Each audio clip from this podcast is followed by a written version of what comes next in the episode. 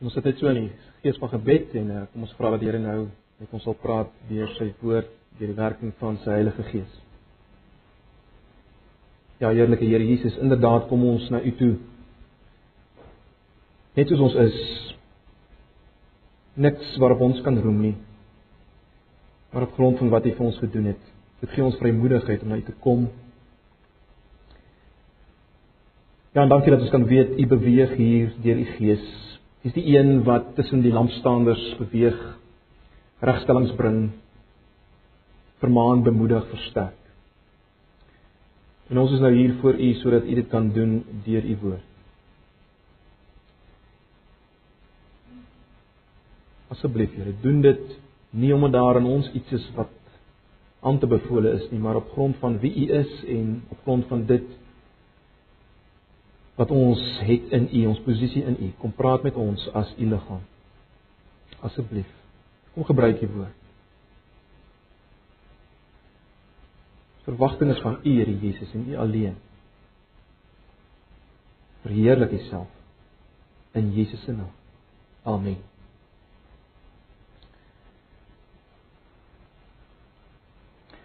Dit kom ons by volgende Handelinge hoofstuk 4. Here wil ons van volgende week af begin met die boek Johannes. Oggend is ons nog besig om rondom gebed te praat. Handelinge hoofstuk 4. Nou eh, ek gaan lees vanaf vers 23. Ek gaan nou die 83 vertaling gebruik.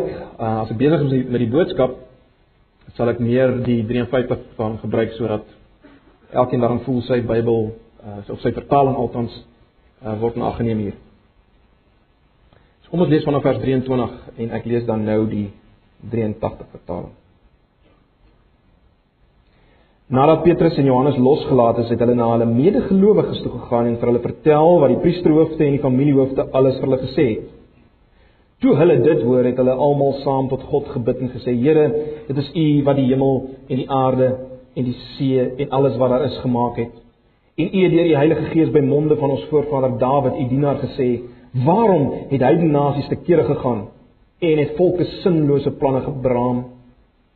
Die konings van die aarde het in opstand gekom en die heersers het saamgespan teen die Here en teen sy gesalfde. Dit is werklik dit is wat werklik in hierdie stad gebeur het. Herodes en Pontius Pilatus het met heidene nasies en die volk Israel saamgespan teen u heilige dienaar Jesus wat deur u gesalf is en hulle het alles gedoen wat u vooruit beskik en besluit het. En nou Here, kyk hoe dreig hulle ons gee dat u dienaars met volle vrymoedigheid u woord sal verkondig. Laat u hand genesing bring en laat daar tekens en wonders plaasvind deur die naam van u heilige dienaar Jesus. Nadat hulle gebid het, het die plek waar hulle bymekaar was geskud. Hulle is almal met die Heilige Gees vervul en het met vrymoedigheid die woord van God verkondig.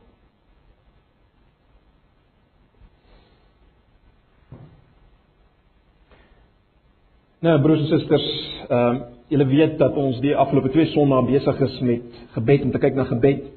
Ehm um, en ons het gesien dat Jesus uh nie net alleen gebed geleef het nie. Weer en weer sien ons veral in Lukas se evangelie uh, dat Jesus gebid het. Maar ons het gesien dat Jesus nie net gebed geleef het nie. Aan die ander wyse dat hy nie net self gebid het nie, hy het ons ook geleer om te bid soos hy gebid het. Baie belangrik, soos hy gebid het. En daarom as ons, as ek en jy die wil van God wil doen, as ons hom wil behaag, moet ons begin bid soos Jesus gebid het. Julle sal ook weet ons het al baie daaroor gepraat hier.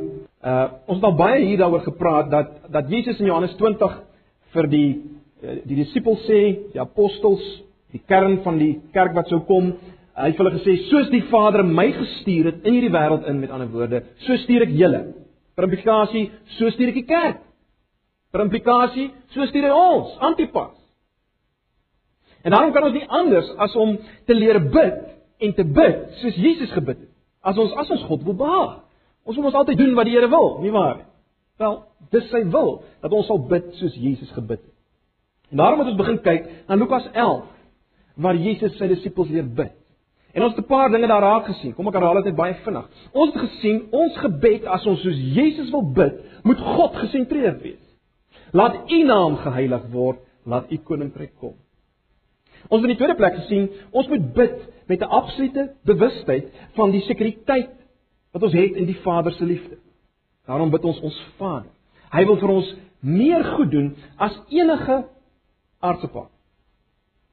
Ons bid met 'n bewustheid van die sekuriteit in sy liefde. Dan het ons gesien dat ons moet volhard, ons moet voortgaan om te bid. Omdat hierdie voortgaan om te bid in sigself reeds vir ons goed is. Dis in sigself die goeie wat God vir ons gee, uh die vis wat hy gee in plaas van die slang wat hy gee. Dan het ons gesien dat ten diepste is hierdie volhardende gebed op hierdie manier, met ander woorde hierdie God verheerlikende gebed, met 'n bewustheid van hoe lief die Vader ons het. In volharding, hierdie soort gebed is ten diepste gebed vir die Heilige Gees. Dis wat Jesus sê in Johannes 11. Dis gebed vir die Heilige Gees. Nou, verlede Sondag het ons gesien hoe is hierdie soort gebed beantwoord by Jesus? Hy hy het so gebid. Hoe is dit beantwoord by hom? En toe het ons uit Matteus 9 gesien dat hierdie gebed by hom is beantwoord deurdat hy wat Jesus is, begin het om te leer aangaande die koninkryk, om te verkondig die koninkryk het aangebreek en om te genees, heling te bring. Nee, dis wat ons gesien het uit Matteus 9. En daarom het ons ges, mekaar gesê en gesien uit Matteus 9 dat uh ons gebed vir arbeiders in die oesland. Nou julle Jesus het ges, Jesus het self gebid uh en gesê dat ons moet bid vir vir arbeiders in die oesland. Ons gebed vir arbeiders in die oesland sal beantwoord word in die vorm van mense wat dit doen wat Jesus gedoen het. Nee, dit is dit is baie duidelik. So as mense begin om te leer die koninkryk te verkondig, en daar genesing kom deur sy mense, dan is hierdie gebed beantwoord. En daarom kan ons weet dat as mense soos Jesus met geloofsoë as te ware kyk na die oes wat daar is, as hulle met medelee die stikkindheid van mense rondom hulle raak sien wat so skape sonder herders is en hulle bid, dan sal die gebed so beantwoord word, né? Nee, dis wat ons mekaar gesê het in hierdie twee Sondae in kort. Nou om alles uh vanoggend vas te maak en te onderstreep, wil ek hê ons moet kyk na 'n gedeelte in Handelinge. En ons het al daarna gekyk destyds toe ons uh, die uh, boek Handelinge gedoen het, maar kom ons kyk weer daarna nou binne hierdie konteks van gebed. En baie ons moet kyk na 'n gedeelte waar ons sien hoe die eerste gemeente presies binne hierdie raamwerk. Onthou ons praat nooit van 'n van 'n blote herhaling van die Onse Vader byvoorbeeld. Maar dit gaan oor die die raamwerk van gebed. Ek wil hê ons moet sien hoe hulle binne in die raamwerk gebid het en wat gebeur het en ek wil hê ons moet vanoggend veral dit sien, naamlik dat dit uiters relevant is vir ons. Dit is uiters relevant vir ons, dis absoluut van toepassing op ons hierdie gebed. So dis waarna ons gaan kyk. En ek wil hê ons moet uh ons moet sien dat hierdie gebed vir vyf redes van toepassing is op ons. Dis vir vyf redes van toepassing op ons. Dis eerstens van toepassing of relevant vir ons op grond van die antwoord wat gekom het. Dis relevant vir ons op grond van die antwoord wat gekom het. Dis relevant vir ons op grond van wie gebid het, die mense wat gebid het. Dis relevant vir ons as gevolg van die geleentheid of die omstandighede wat aanleiding gegee het tot hierdie gebed. Dis relevant vir ons op grond van vir wie gebid is en is relevant vir ons op grond van wat gevra is hier in hierdie gebed. So, so dis ons dis ons raamwerk, dis ons hoof. Kom ons kyk nou daarna. Eerstens dan, dis relevant relevant op grond van die antwoord wat gekom het. Kyk na vers 31. En ek lees nou die die 53 vertaling. Kyk na vers 31. En toe hulle gebid het, is die plek geskit waar hulle saam was en hulle is almal vervul met die Heilige Gees en het die woord van God met vrymoedigheid gespreek. En ek wil hê julle moet net vir 'n oomblik die die die parallelle raak sien met Pinksterdag. Julle het dit waarskynlik al reeds raak gesien. Dis ontsaglike parallelle met Pinksterdag, nie waar nie? Hier het hulle nou net gebid en dan vind sekere dinge plaas. Daar in die begin op Pinksterdag sal julle onthou in Handelinge 1 vers 4 was hulle besig om te bid. Althans Handelinge 1 vers 14. Hulle was besig om te bid toe gebeur dit wat gebeur het op Pinksterdag. Hier, gedeelte wat ons nou gelees het, lees ons en hulle is almal vervul met die Heilige Gees. In Handelinge 2 vers 4 op Pinksterdag, wat lees ons? En hulle is almal vervul met die Heilige Gees. Dis presies terloops die presies dieselfde werkwoord wat gebruik word. Hier in Handelinge 4 wat ons nou gelees het, het God die gebou geskep waar hulle bymekaar was. Daar in Handelinge 2 vers 2, uh, sal julle weet dat daar 'n geluid soos 'n kragtige rukwind gekom. Hier het hulle die woord, het hulle gesien, met vrymoedigheid gespreek nadat dit gebeur het. Daar het hulle in verskillende tale die groot dade van God verkondig sodat elkeen wat daar was kon hoor van God se groot dade. So broers en susters, ek dink wat ook al ons sê van Pinksterdag moet ons sê dit was nie heeltemal uniek geweest uh in terme van die uitgieting van die Heilige Gees om die gemeente te bekragtig vir getuienis nie. Dit was nie uniek nie.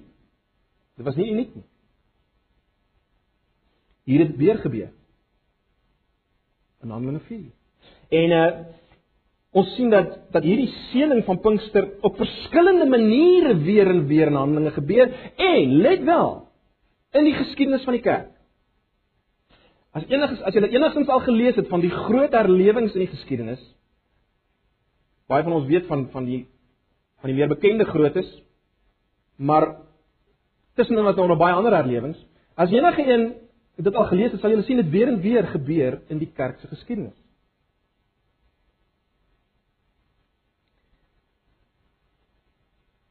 So broers en susters, hierdie gebed is vir ons relevant. Ons kan daarna kyk. Dit was nie beperk tot Pinksterdag? Nee. En en en die uitstorting van die Heilige Gees, die kom van die Heilige Gees is presies wat ons nodig het. In ons gemeente, in Suid-Afrika en die wêreld. Dis wat ons nodig het. Enige een wat uh wat enigstens bietjie nadink oor wat ons sien in ons dag sal sê ons het dit nodig, né? Nee. En baie belangrik, selfs die beste gemeentes onder ons het dit nodig. Het julle gesien op wie het die Heilige Gees weer gekom nou in Handelinge 4. Dit het nie gekom op 'n gemeente wat uh, ongelowig was of ongehoorsaam was of onverskillig was of nie goeie teologie gehad het nie. Glad nie. Maar waar het jy ons sien dat dat Petrus en Johannes, nê, nee, was nou net op ongekende wyse was hulle gehoorsaam. Hulle was op ongekende gehoor, uh, rede wyse gehoorsaam, dis hoekom hulle vervolg is. Petrus, my waarheid te sê as as mens kyk na vers 8 van Handelinge 4 is vervul met die Heilige Gees toe hy opgestaan het in in die byeenkoms. Petrus is vervul met die Heilige Gees.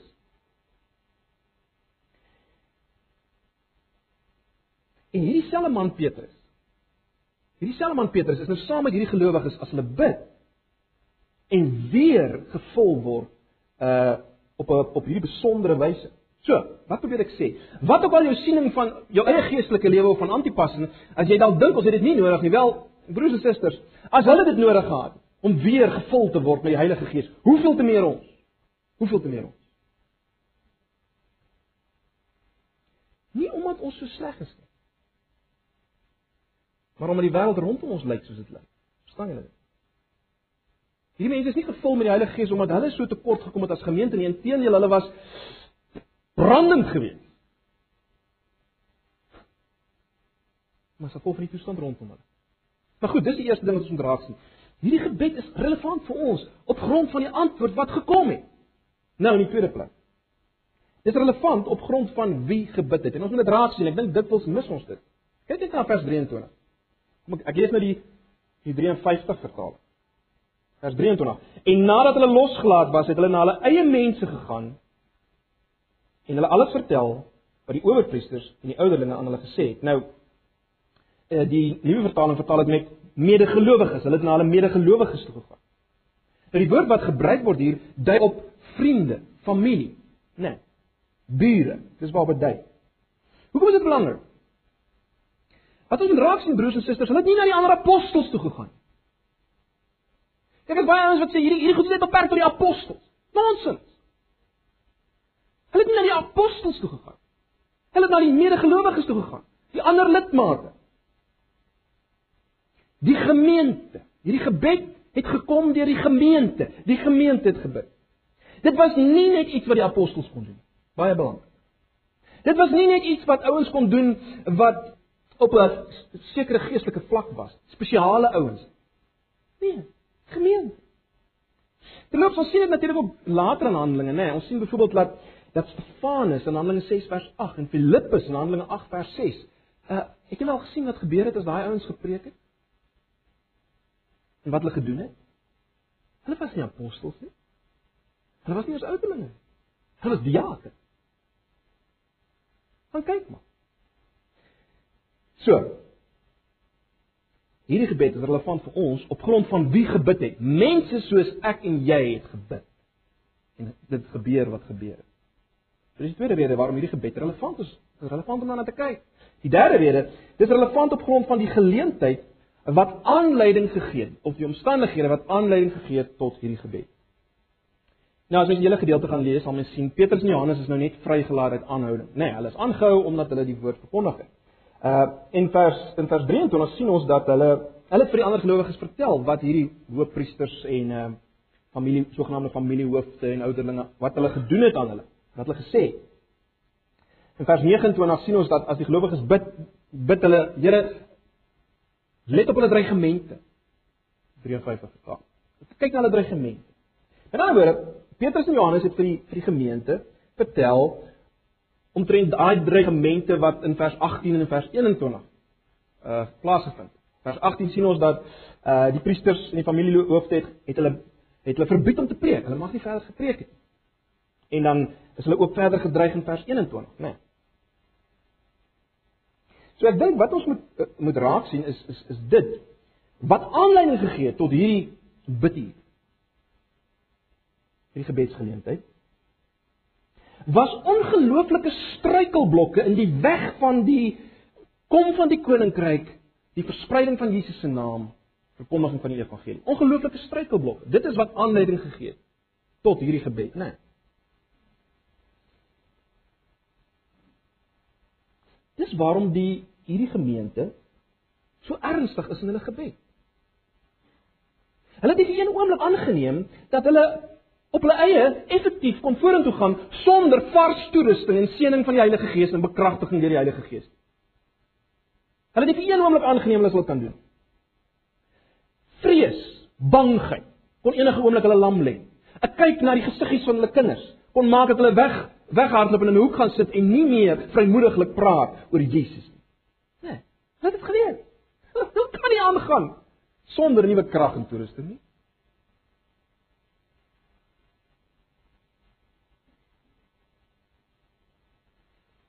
Nou, ek sê hierdie gebed is vir ons relevant op grond van uh dit wat aanleiding gegee het tot die gebed.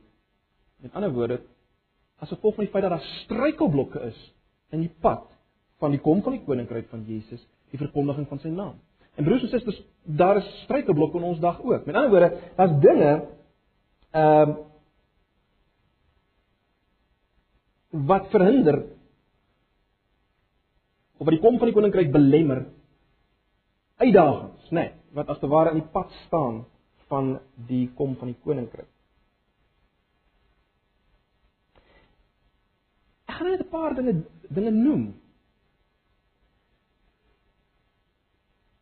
Wat ek dink in ons konteks struikelblokke is of of dinge wat in die pad staan. Redes waarom ons of dit hulle kan dan so stel. Redes waarom ons dringend moet begin bid soos hulle gebid. Kom ons dink eers miskien bietjie verder weg van onsself. Bietjie verder weg van onsself.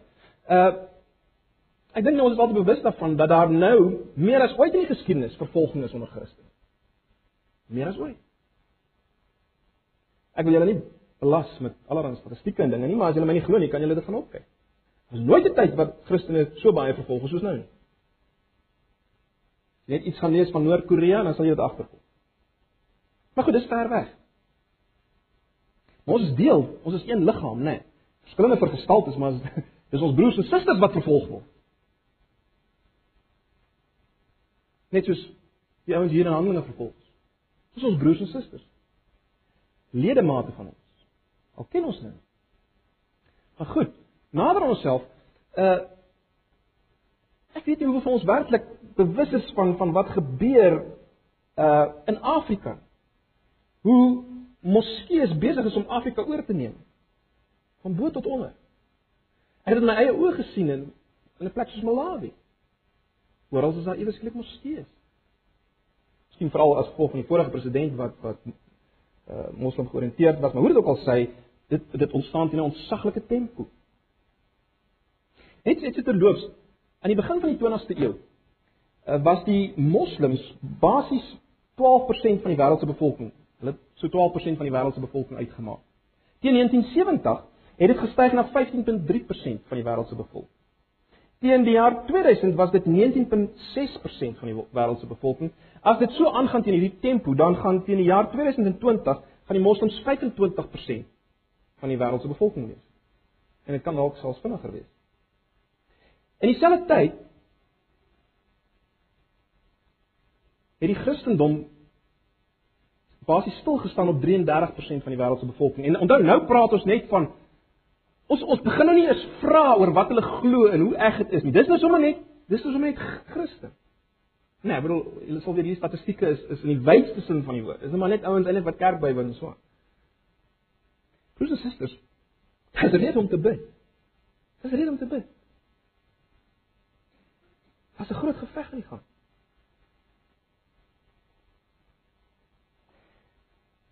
Kom ons kom ons bietjie nader na ons eie lyf.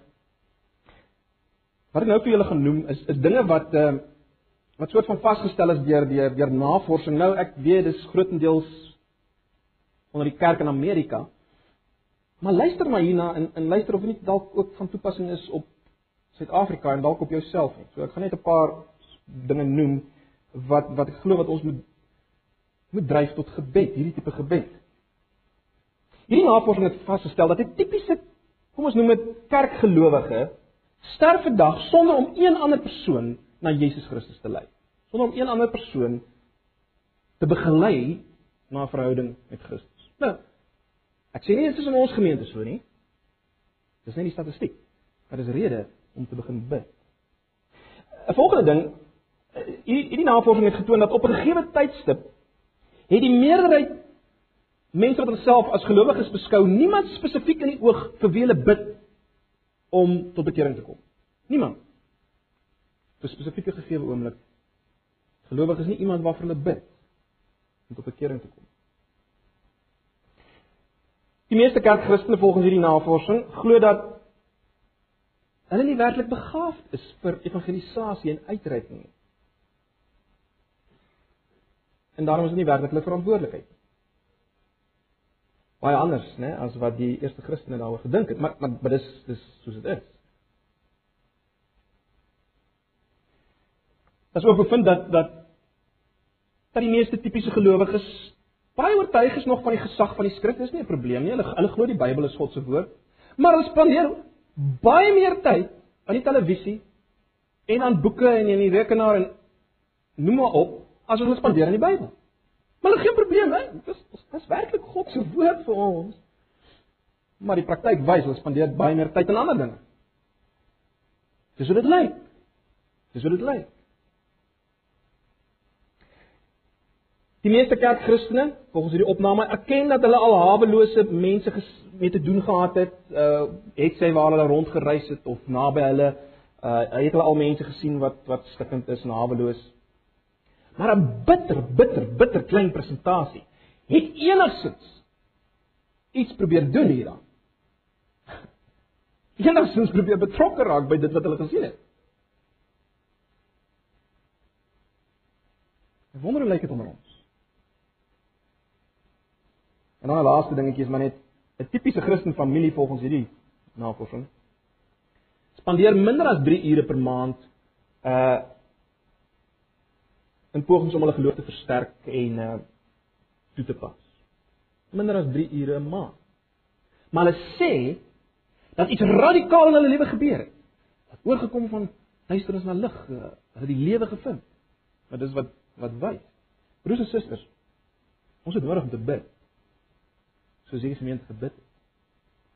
Ons kan nog byvoeg by hierdie dinge, né? Nee, ons kan byvoeg byvoeg die die post-post modernistiese tyd waarin ons leef, waar waar waar, waar enige eksklusiewe aansprake op Jesus word teengestaan. Almal van ons beleef dit miskien nie so nou aan ons lyfie, maar dit is 'n feit. Ons leef in Suid-Afrika. En ek hoef julle niks te vertel van hoe lyk dit nie. Ek hoef julle nie vertel van die plus minus 18 tot 19000 mense wat elke jaar onder ons vermoor word nie. Dis alles redes waarom ons behoort te begin bid soos hierdie gemeente gebid het. Kom ons stel dit so broers en susters as as hierdie vroeë Christene met hulle met hulle eerstehandse belewing van die opgestane Jesus met hulle direkte toegang tot die oog en oor getuies die apostels wat Jesus gesien het as hierdie mense as hulle dit nodig gehad het vir 'n vars uitstorting van die Heilige Gees 'n vars toerusting van die Heilige Gees het ons dit nodig? Kan ons so aangaan sonder dit? Waarmee is ons besig wat dink ons doen? ons hoeveel te meer ons Volgende punt. Dis relevant hierdie gebed vir ons op grond van vir wie gebid. Op grond van vir wie gebid. Is dit nie verstommend as mens nou gaan kyk? Hierdie Christen het 5 verse gevat om vir God te sê wie hy is. En 2 verse om hom te vra wat hulle van hom wil vra. Dit vat 5 verse om God te vertel wie hy is. Net 2 verse om hom te vra wat hulle wil vra. Nou, moenie fout maak nie. God het nie nodig dat ons vir hom vertel wie hy is nie. Maar ons het nodig om te hoor wie hy is. En ons het veral nodig as ons bid om te hoor wie hy is, want ons moet hoor dat hy een is wat ons gebed wil beantwoord en kan beantwoord. En daarom is dit nodig. Nee. Ons is nodig om te weet. Ons het nodig om te weet en te bely dat hy die God is wat kan en wil ons gebede beantwoord. As mens kyk na vers 24 vers 28, sal mens sien wat hulle ten diepste daar doen, broers en susters, is om is om God se naam te verheerlik. Hoekom? Sodat sy koninkryk kan kom. Dis wat hulle gedoen het. Hulle het sy naam verheerlik sodat sy koninkryk kan kom. Dis nou. Dis maar wat hulle gedoen het. As jy bietjie nader kyk, dan sien mense hulle identifiseer God of hulle praat oor God, dit soos jy dit wil noem, op twee maniere, né? Eerstens bely hulle hom as die skepper van alle dinge in hulle gebed. sien hulle in vers 24? Kyk na vers 24, kom ek lees dit in die 53 vertaling. En toe hulle dit hoor, dis nou hierdie dinge wat gedoen is aan hulle medebroers.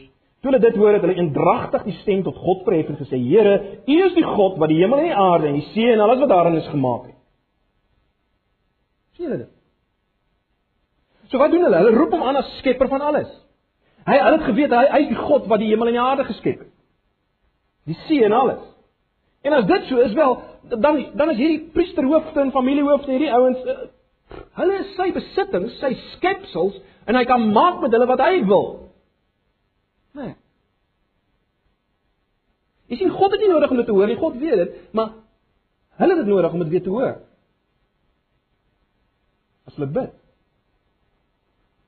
Tweedens sê hulle dat God die een is wat heers oor alles selfs oor die oor die bosehede van mense, nê, nee, as jy dit so wil noem. Uh hy maak tot nie die uitbarsting van heidene. Hy hy, hy maak hulle planne ontklaar. Hy kan 'n streep daardeur trek. Hoe sê hulle dit hier? Wel hulle sê dit deur Psalm 2 aan te haal in vers 25 en 26. En deur dan te wys dat dat Psalm 2 vervul is in die wyse waarop waarop uh bose mense, goddelose mense Jesus doodgemaak het en natuurlik per implikasie is dit dan wat wat nou ook gebeur. Kyk na vers 27 en 28. Kom ons lees dit net. Want waarlik, Herodes en Pontius Pilatus het saam met heidene en die volke van Israel vergader teen die heilige kind Jesus wat U gesalf het. Nou dis presies die sameswering van die nasies van Psalm 2, né? Nee, dit is dis hoe dit nou hier genoem word. Vers 28 om alles te doen wat u hand en u raad vooruit bepaal het om plaas te vind. So dis hoe God as te ware dit wat hulle gedoen het deur kruis om sy verlossende doelwitte te bereik. Met ander woorde, wat hulle hier hier sê in hulle gebed is dat net soos net soos Psalm 2 sê dat dat dat nasies se se se gewoed en se dinge wat hulle beplan en wil doen kom tot niks. God keer dit om. Sê hulle hier in hierdie gebed, wel dis presies wat gebeur het uh met die by die kruisiging van Jesus dat alles wat die mense beplan het teen God en sy gesalfde en toe hulle gedink het hulle het oorwin en hulle het hom nou finaal uit weggery. Wel, uh, hulle het maar net saam meegewerk aan die grootste triomf van alle tye, die grootste oorwinning wat God ooit behaal het aan die kruis. Want God deur kruis hulle negatief, maak dit die grootste positief van alle tye. Oorwinning word behaal. En implikasie presies nou gaan dieselfde gebeur as hulle nou in opstand kom teen uh, die eerste gemeente. sien dit is dis dis waar dit gaan. Onthou nou, dis nou alles in gebed, né? Dit alles gaan nou die uitstorting van die Gees hier vooraf. Dis voor die Gees nou kom. Bid hulle so. Hulle bid so. Hoekom sê ek dis relevant vir ons? Wel, broers en susters, wat baie baie ouens op vandag sê wel, jy weet, dis nie eintlik belangrik ehm um, hoe jy oor God dink nie. Dis nie eintlik belangrik wat jy glo nie. Uh jy moet net 'n belewing hê van die Gees of of hoe dit ook al uitgedruk word. Wel, hier sien ons iets anders, né? Nee. Wat ons hier sien is dat die dat die vroeë Christene het het het het het anders hiermee omgegaan. Hulle het van beter geweet as ek dit so kan stel. Die leerstelling dat God die skepper is van alles was vir hulle belangrik. Né, nee, sien dit. Dat die skrif geïnspireer is was vir hulle belangrik, vers 25. Gebruik dit so. God se soewereiniteit, sy beheer oor oor oor nasies en en dinge wat gebeur was vir hulle belangrik. Nee, dit dit is hier in hulle gebed. 'n Kennis van Ou Testamentiese profeseë was vir hulle belangrik. Nee, sien dit dit was vir hulle belangrik. Dit was deurslaggewend. Ons moet verstaan broers en susters, die Gees, die Heilige Gees is ook die Gees van waarheid. Nee, hy hy, hy staan nie apaties teenoor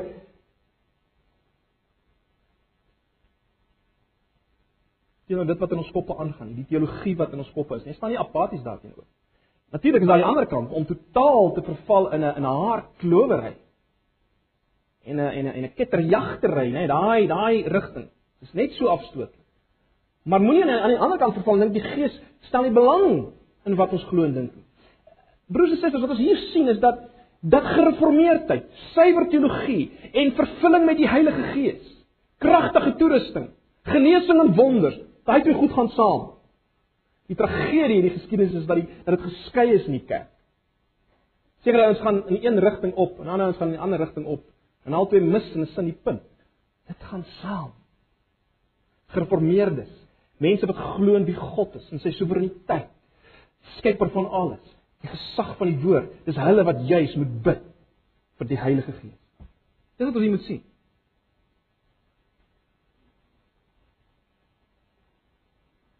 Mag ons meer begin bid soos die vroeë Christene broers en susters. En dan is relevant op grond van wat gevra is. In vers 29 kom hulle by hulle versoek. Hulle sê kyk na kyk na hulle dreigemente, Here. Dis eintlik hulle eerste versoek. As dit so kan stel. Dan wil hulle sê, Here, kyk wat is ter sprake in hulle optrede. Here, uh, wat hier besig is om te gebeur, hulle wil nie meer hê ons moet in die naam van u seun praat nie, Here. U eer word aangetas, Here. U reputasie word aangetas, Here. Dis waaroor dit hier gaan. Doen iets. Dis wat hulle bid. Doen iets, Here. Die naam van die seun, u reputasie word aangetas deur wat hierdie ouens doen.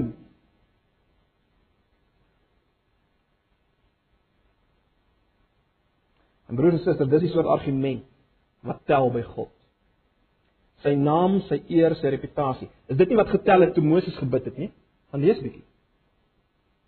Wat sal die nasie sê, Here, as U nou U eie mense uitdel? Doen net. God geantwoord. Dis presies dieselfde hier, né?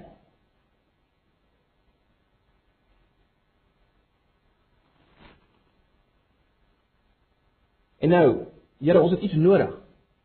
Ons het iets nodig as u reputasie herstel wil word. En dis wat hulle nou bid in vers 29b en 30. 29b en 30. En gee aan die diensknegte om met alle vrymoedigheid u woord te spreek, deurdat u u hand uitstrek tot genesing en tekens en wonders deur die naam van u heilige kind Jesus plaasvind.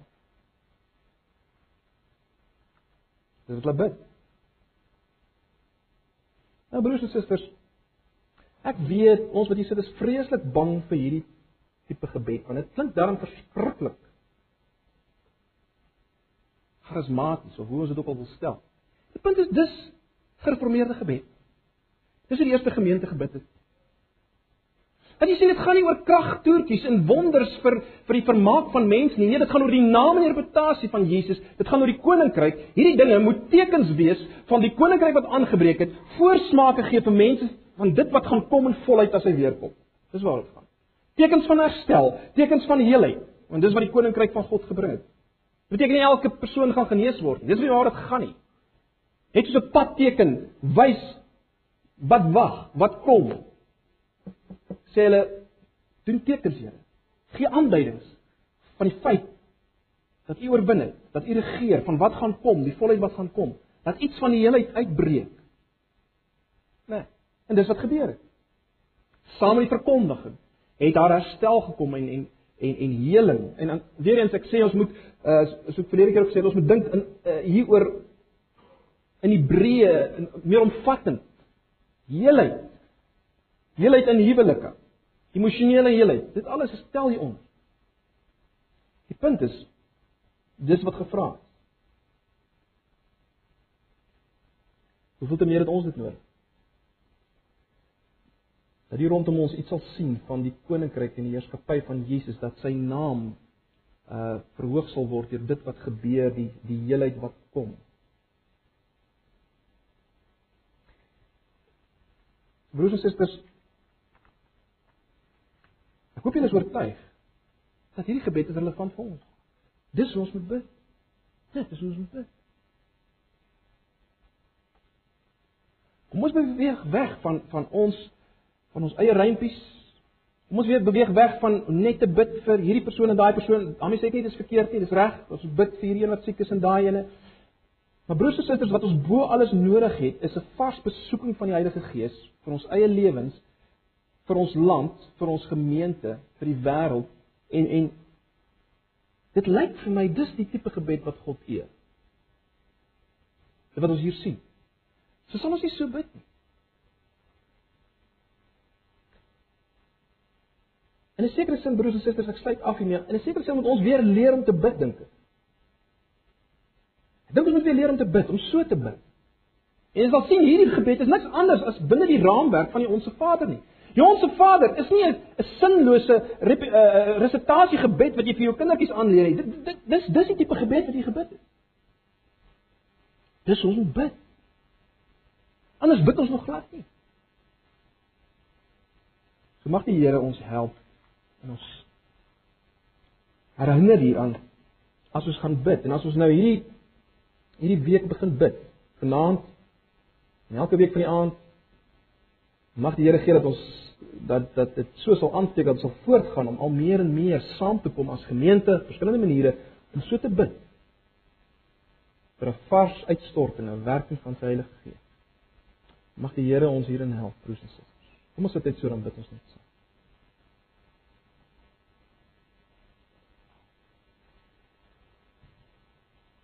Here, dankie vir u woord. Dankie dat ons nie onsself kan verskoon sê ons het nie geweet hoe om te bid nie. En al wat ons kan sê, ons het nie en ons ontvang nie omdat ons nie bid nie. Ons bid nie soos die eerste gemeente nie. Here, ek staan eerste in die ry. U weet dit. Ek bely dit. Kom. Maak in ons 'n begeerte wakker vir u self, vir u werking onder ons op 'n nuwe manier Help ons om te vergeet van al die ou argumente en dinge in ons kop wat maak dat ons nie so wil bid nie. Verheerlik U self onder ons. O Here, asseblief. Kom doen iets vars, kom doen iets nuut onder ons. Ons pleit dit in Jesus se naam. Amen.